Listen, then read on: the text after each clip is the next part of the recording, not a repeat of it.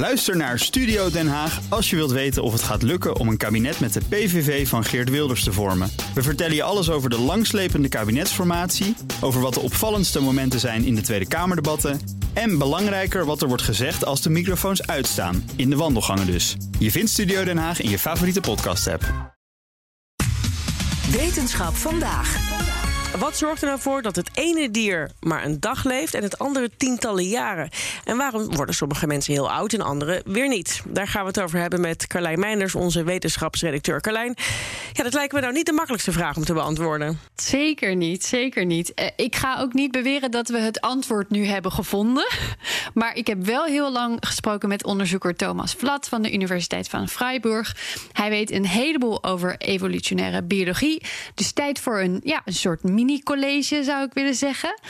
Eerst werd gedacht dat veroudering gewoon een kwestie was van de aftakeling van het organisme. Hoe ouder organismen in een populatie zijn, hoe minder vruchtbaar en hoe meer sterfte.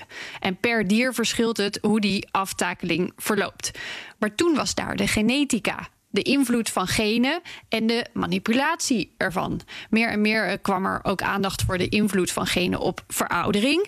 En werden er experimenten gedaan met bijvoorbeeld het C. elegans wormpje. They discovered over time that they, they could find single mutations in single genes. That when that gene is mutated in a particular way, these worms, for example, would live way longer than they would normally do. En werd er toen ook al gekeken naar een link met mensen? Ja, ze zagen inderdaad dat wij die genen waarin die mutaties werden gevonden ook hebben. Maar dan kun je nog niet gaan testen of dat in het mensenlichaam hetzelfde werkt. Je kan niet uh, gaan zitten prutsen met mutaties om te kijken of, ze de, of mensen dan misschien langer gaan leven. En dus gingen ze één treetje hoger naar de fruitvlieg. Daarin zagen ze zelfde mutaties ja. in deze genen zorgden voor een langer leven van de fruitvlieg. Dus langzaam werd duidelijk dat veroudering niet compleet verschillend is ook per dier, maar dat er wel eens overlap zou kunnen zijn. Toch leven ze totaal niet even lang. Dus uh, hoe kan dat dan precies? Over waarom dat zo is, zijn zeker ideeën, bijvoorbeeld invloed van omgeving op evolutie. For example, in a super uh, risky, dangerous sort of environment where you're surrounded by many predators and life is very dangerous and there might be pathogens and other things. it might not pay off for a species, uh, for an organism to invest a lot into living long simply because you might, you know, have a high risk of dying because of extrinsic reasons from the environment, right? Oké, okay, dus gevaarlijke omgeving, korter leven? Ja, als je veel risico loopt om opgegeten te worden, dan kun je maar beter in rap tempo volwassen worden, zo snel mogelijk, zoveel mogelijk voortplanten en dan snel het stokje doorgeven.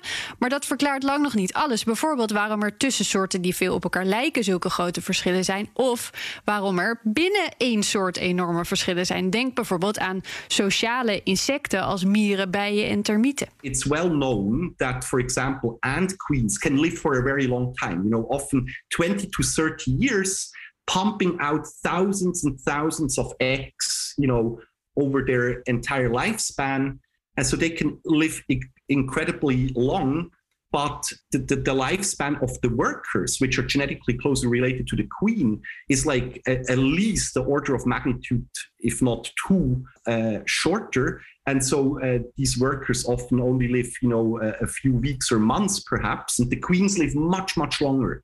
Hmm, Queen live much langer. Wat, wat voor leven heeft zo'n koningin nou? Ja, nou niet, niet een heel fijn leven als je dat zo hoort. Want ze is haar hele leven bezig met kinderen maken. Ja. Um, uh, maar um, het is best wel gek, want bij veel organismen geldt... hoe meer kinderen, hoe korter het leven. Zelfs bij mensen uh, is daar bewijs voor gevonden. Al weten ze nog niet precies waarom dat nou zo is. Het geldt voor mannen en vrouwen namelijk. Maar goed, bij sociale insecten is dat niet zo. Daar leeft de koningin en heel lang en ze maakt heel veel kinderen. Maar is dat wel een goede vergelijking? Want zij heeft een heel team om zich heen. Where the workers that are genetically very closely related to the queen actually sort of protect the queen probably from from you know predation. They uh, the, the, workers do nest cleaning and hygiene. They feed the offspring and, and so forth. They do a lot of tasks that the queen does not not need to do. And so maybe the queen can save the energy and invest it into living long and reproducing a lot Ja, zo kan ik het ook, Carlijn. ja, precies. Uh, Flat zei, misschien moet je, de, moet je het ook anders zien... de kolonie als een soort superorganisme... waarbij het geheel aan werkers en helpers vervangbaar is... net als ons lichaam. En die koningin, het DNA, is de levenslijn... die altijd maar weer wordt doorgegeven. Maar nou was Flat betrokken bij een onderzoek... waarin werd gekeken die mutaties in genen... die ervoor zorgen dat wormpjes en fruitvliegen langer kunnen leven... vind je die dan ook in deze sociale insecten? The same genes exist... But from, from, from this research and other people's research, we have the impression that maybe even though social insects have some of the same longevity genes, that they might be wired and regulated somewhat differently. Maakt dat deze groep insecten extra interessant om naar te kijken? Ja, zeker als het aankomt op veroudering. Dus nou is Flat zelf expert op het gebied van de fruitvlieg. Hij is aan het kijken naar veroudering en het immuunsysteem. Ze zagen in recent onderzoek bij fruitvliegen die langer leven, namelijk een verschil in genen die een rol spelen bij dat immuunsysteem. Dat was nieuw. Van andere genen wisten we het al wel dat ze belangrijk waren. Bijvoorbeeld uh, genen die achter insulineproductie zitten. Maar van deze wisten we dat nog niet. Dus dat immuunsysteem is wellicht nog veel belangrijker dan we dachten. Daar lijkt het wel op. Nou, uh, hoorde je het al een beetje op heel veel dingen weten we het antwoord dus nog niet. Maar deze week kwam ook een studie naar buiten over genen die een rol spelen bij het aanmaken van eiwitten in cellen. Bij fruitvliegen wisten we al dat ze een rol spelen bij veroudering. Nu hebben ze dat ook bij mensen aangetoond. Dus al die puzzelstukjes vallen langzaam op een plek.